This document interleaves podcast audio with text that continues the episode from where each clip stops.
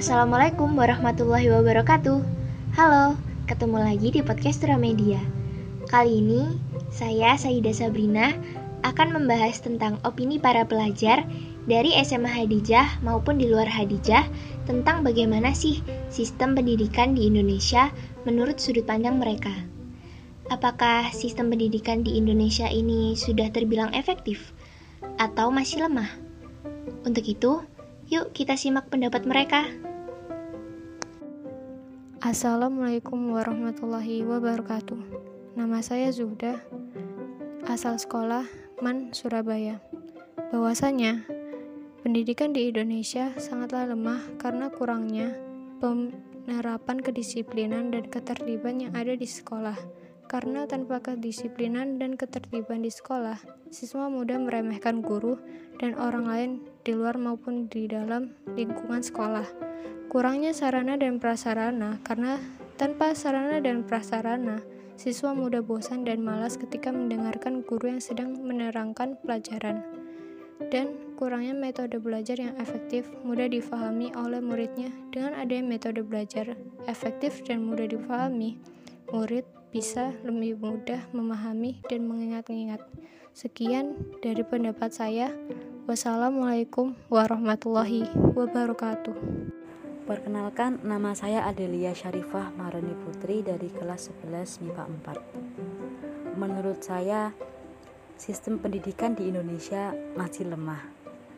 Karena sampai saat ini, sistem pendidikan kita belum bisa menjawab tujuan dasar pendidikan, yakni terbentuknya insan manusia yang memiliki kekuatan spiritual keagamaan, pengenalan diri dan kepribadian, kecerdasan, akhlak mulia, serta keterampilan yang diperlukan oleh diri sendiri, masyarakat, bangsa, dan negara. Hal itu terjadi karena kurikulum pendidikan kita selalu berganti-ganti. Ganti menteri, berganti pula kurikulumnya. Sehingga sistem pendidikan kita tidak tuntas. Assalamualaikum warahmatullahi wabarakatuh. Saya Alia Febrina, saya dari SMA Negeri 10 Surabaya. Kali ini saya akan membahas tentang sistem pembelajaran yang ada di Indonesia. Uh, menurut saya, hmm, pendidikan Indonesia itu lebih baik menerapkan sistem full day school tapi beberapa orang masih beranggapan bahwa proses belajar mengajar selama 8 jam atau yang bisa disebut full day uh, ialah murid selalu diberikan materi pelajaran selama 8 jam.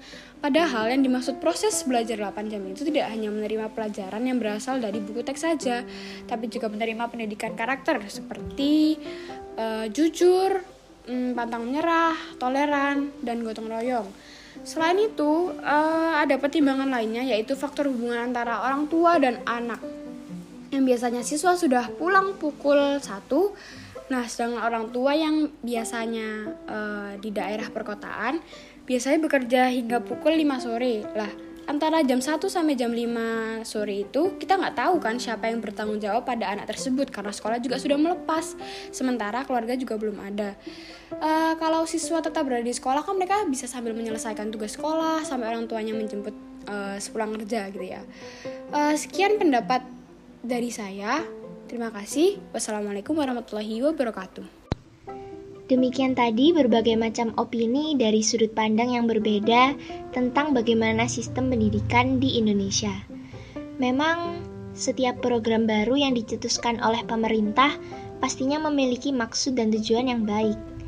Namun, mengenai berhasil atau tidaknya program-program tersebut juga bergantung pada kita sebagai masyarakat sekaligus pelajar. Untuk itu, marilah kita bersama bahu-membahu mewujudkan sistem pendidikan yang maju di Indonesia. Baiklah, sekian podcast Turham kali ini. Sampai ketemu di podcast selanjutnya. Wassalamualaikum warahmatullahi wabarakatuh.